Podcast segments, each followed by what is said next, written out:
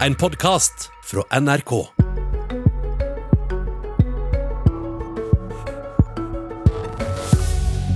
Etter eh, flere år med interne oppvasker, elendige meningsmålinger og påstander om vinglete politikk, møter Jonas Gahr Støre sitt eget landsmøte med meningsmålingsvind i ryggen. Og han kan bu seg på en valgkamp mot en statsminister med merkelappen 'alvorlig svikt' på beredskapsplanlegginga si. Bør han egentlig bare sitte musestille helt fram til valget? I dag starter altså Arbeiderpartiet sitt digitale landsmøte, og om to timer og ett kvarter skal du holde talen din. Men først vel møtt i Politisk kvarter, Jonas Gahr Støre.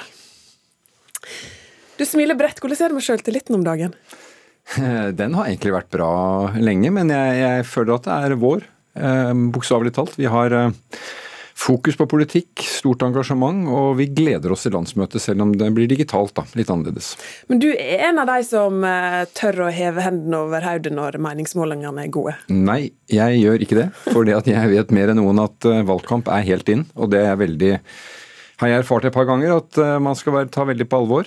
De som vi ønsker å bytte ut, har ikke tenkt å gjøre det lettvint. Det blir en tøff valgkamp. Men jeg har en trygghet i meg, fordi at vi er samlet om politikk. Jeg har ledet programarbeid og sett hvordan vi har kommet sammen om at nå er det vanlige folks tur. Vi skal snu rekkefølgen etter åtte år hvor de som har mest, har kommet best ut av det. Så er det kraftsatsing på arbeid, og ikke bare nå å få ledigheten ned, men virkelig få unge inn i arbeid utover på 20-tallet.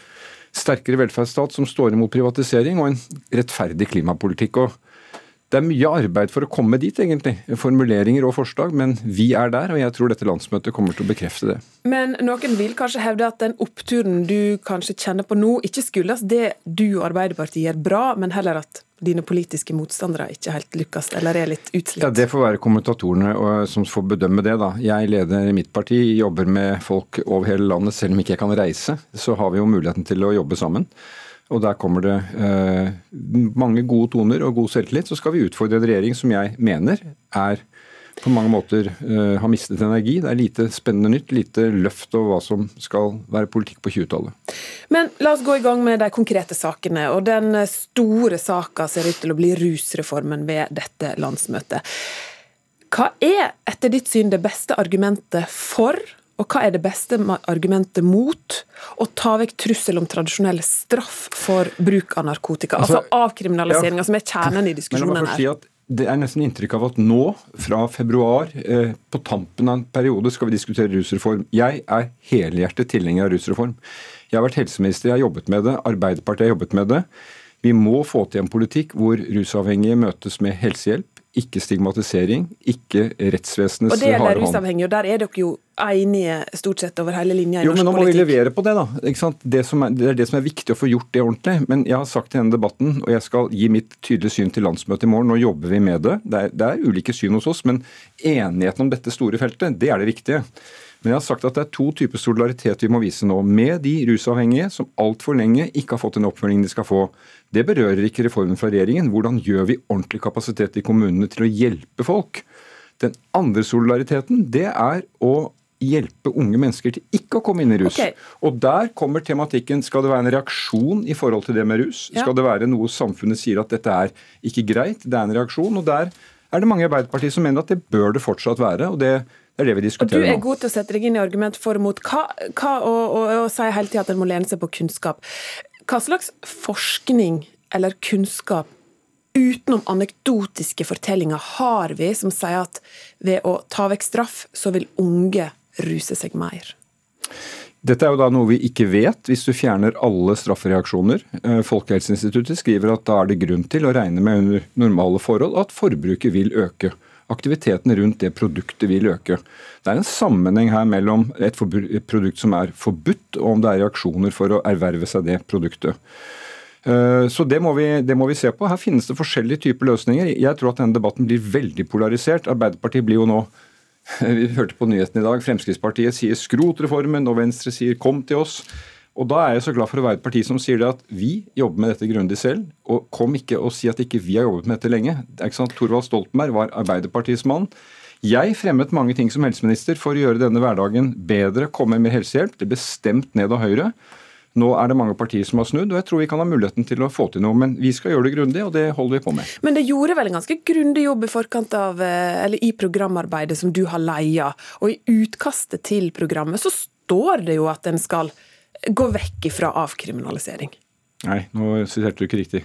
Det står Arbeiderpartiet vil flytte ansvaret ja. for samfunnets reaksjoner for bruk og besittelse av narkotika fra justis til helse. Og så står det at endringer i de strafferettslige reaksjonene for egen bruk må følges av en styrket satsing ja. på rusbehandling. Og det, er, og det er noe et program jeg står fullt og helt bak hovedfokus der er jo på mennesker med rusavhengighet. Nei, ikke så tydelig. Det Nei, står bruk jeg, av narkotika, som ja, kan gjelde alle. Jo, men det kan gjelde alle. Men det er jo der engasjementet har ligget, den ulykkelige situasjonen. Rusavhengige mennesker som ikke kommer seg ut. Det er ikke straff som hjelper for dem, de skal få helsehjelp. Ja, men, men ta en sammenligning med forrige partiprogram. da. Der sa det i ytterste konsekvens eh, true med bøter, altså bevare en form for straffereaksjon. Ja. Det har det tatt vekk i ja, utkastet men det, men det ligger ikke noen dypere mening i det, annet enn at når du lytter rundt altså Jeg har 152 ordførere i Arbeiderpartiet. Når de forteller tilbake hva er virkeligheten i vår kommune, hva forteller hjelpeapparatet, hva er signalene vi sender til unge mennesker, vel så er det veldig mange som sier at de er urolig for at det å fjerne enhver reaksjon, opplevelsen at nå er det fritt fram, så er det noe som eh, senker terskelen inn. Og vi vil ikke senke terskelen inn. Så får vi lande det klokt på en måte som jeg vil si når det viktigste målet, nemlig at de som altfor lenge har blitt stående alene, sårbare syke, kommer fra de vanskelige delene av, eh, av eget liv, de skal få hjelp. Og det, det, det skal vi Det ligger fast. Men fast. Eh, du var litt inne på det, det blir fridd voldsomt til fra alle sider her nå. De som er tilhengere av rusreformen, ber dere havne på rett side av historien og kaller det eh, ekte sosialpolitikk å stille opp for de rusavhengige. Det sier du at en skal gjøre, men også da godta at en må avkriminalisere. Kampanjen er intens i sosiale medier. Fungerer det?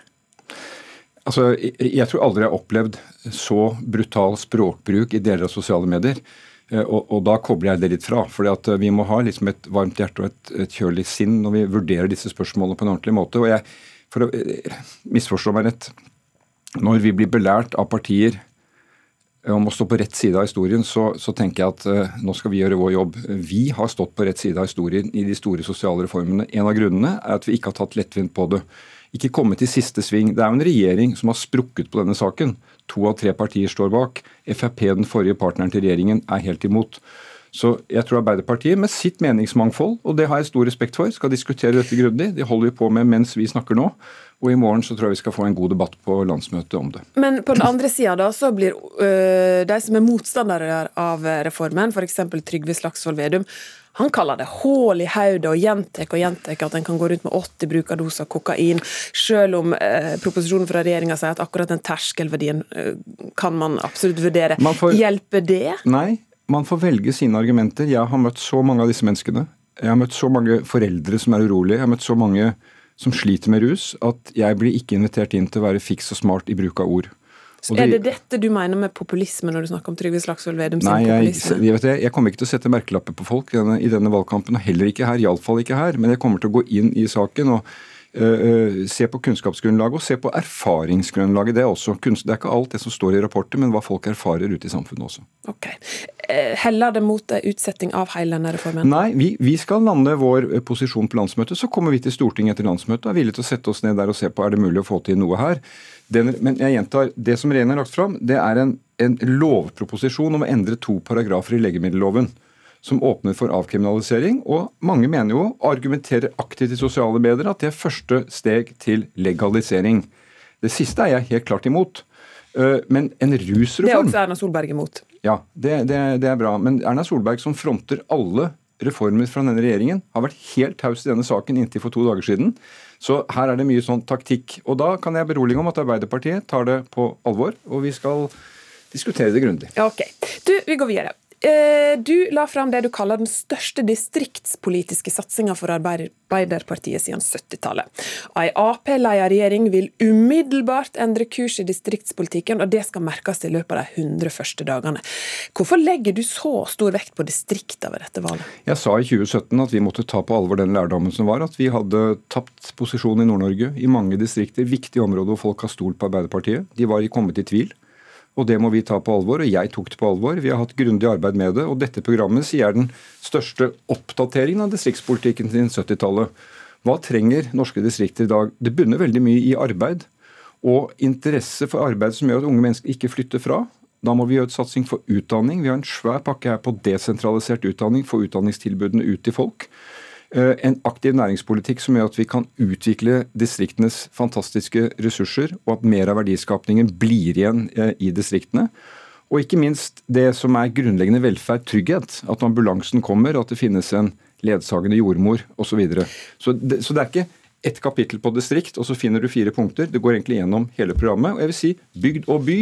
For mange av de samme trygghetsforholdene som du får fra en velferdsstat, som vi har i Norge, er like viktig for et menneske som bor midt i Oslo, som en som bor ute i distriktene. Men distriktssatsingen det, det var viktig for oss for å kunne komme i kontakt igjen med de velgerne som var blitt i tvil. Men så sier de at det skal utjevne forskjeller. Er det størst forskjeller mellom folk i byene eller på bygda? Det er et veldig interessant spørsmål. Jeg vil si at det er like store forskjeller internt i en by som det er mellom by og bygd. Noen av de største sosiale utfordringene har vi jo i de store byene. ja, men der vil jeg bare skyte inn, fordi Nyere forskning viser nå at forskjellen mellom bygd og by den minsker når det gjelder inntekter til folk. Jo, men, men, forskjellene ja. innad i Oslo er enorme, ja. f.eks. Men, men når vi sier etter åtte år hvor ulikheten har økt, og de som har mest, har stått først i kø, når vi sier det er vanlige folks tur, så bor jo de i by og bygd, og som har opplevd at barnehagen er blitt dyrere, SFO er blitt dyrere, det å pendle til jobb er blitt dyrere, avgiftene er gått, gått opp. Og på skatteregninga så er det de som er aller øverst. De får lettelser i formuesskatt og inntektsskatt. Vi snur det. Under 750 000 så får du lettelser. Vi over må betale noe mer. Og Det treffer bygd og by. Men det er jo det vi nå gjør f.eks. med et kraftig løft for yrkesfagene som ikke bare handler om at de skal rustes opp, sikres lærlingeplass, men også at de yrkene de kommer til, har ordnede forhold.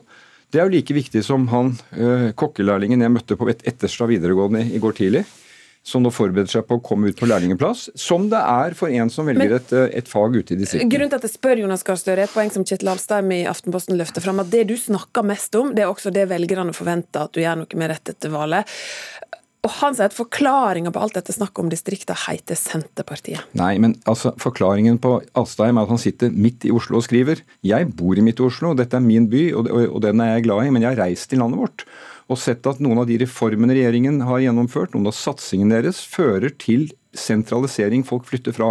Det er ikke bra for denne byen jeg bor i at det kommer et stadig tilsig av folk. Det er press på tjenester og boliger.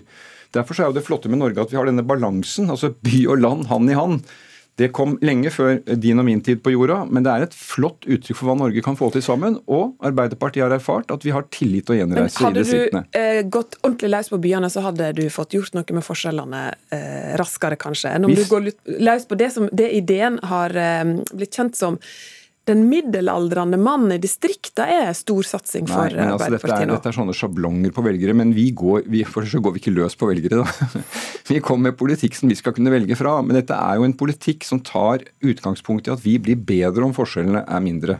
Om vi er sterke fellesskap. I alle land nå, se til USA. Joe Biden, hva er det han gjør? Han løfter nede de som er blitt hengende etter det er det vi må ta inn og gjøre, gjøre på det norske. Og, og, da Men det har eh, for Nå er vi litt inne på valgkampstrategien som har blitt avslørt i, i Dagens Næringsliv. da. Mona fra Bergen, Ola fra Modum og Bjørn på 47 fra Stjørdal er personer det skal fri til. Hva slags verktøy er dette? Nei, men det er jo da, Nå beskriver du en by og et distrikt og en sånn voksende by. Jo, men dette er jo, dette er jo eksempler på levde liv. Folk som lever av egen jobb, som opplever at de får mindre igjen for pengene sine, mindre kjøpekraft, mer utrygghet i arbeidslivet. Det er et eksempel på at politikken må treffe dem. Hvis ikke vi klarer det, så opplever vi jo at vi får strekk i laget, økende forskjeller. Og da vil jeg jo si til deg som bor midt i by, og som kanskje tjener over den streken, det blir et bedre samfunn for deg og for dine barn. Mer trygghet. Vi lykkes med de store oppgavene. Det store klimaløftet vårt kommer ikke til å lykkes hvis folk føler at de blir hektet av. Derfor men nå vil vi... ikke en eh, gutt eller jente på ti år ha stemmerett ved dette valget. Men hvorfor er ikke en, en eh, østkantgutt eller jente nevnt i den lista over personer som det vil ja, men Nå har du en jente fra Bergen, da. En kvinne fra Bergen. Bergen og Oslo, store byer. Men det er jo ikke de, dette er liksom ut... Det er kvinner på 35 år, så det er vel ikke jo, men altså, vi har en ungdomssatsing her, vi har en skolesatsing her. Vi har en satsing på å utjevne forskjeller. Løft for yrkesfagene hvor det er stort frafall.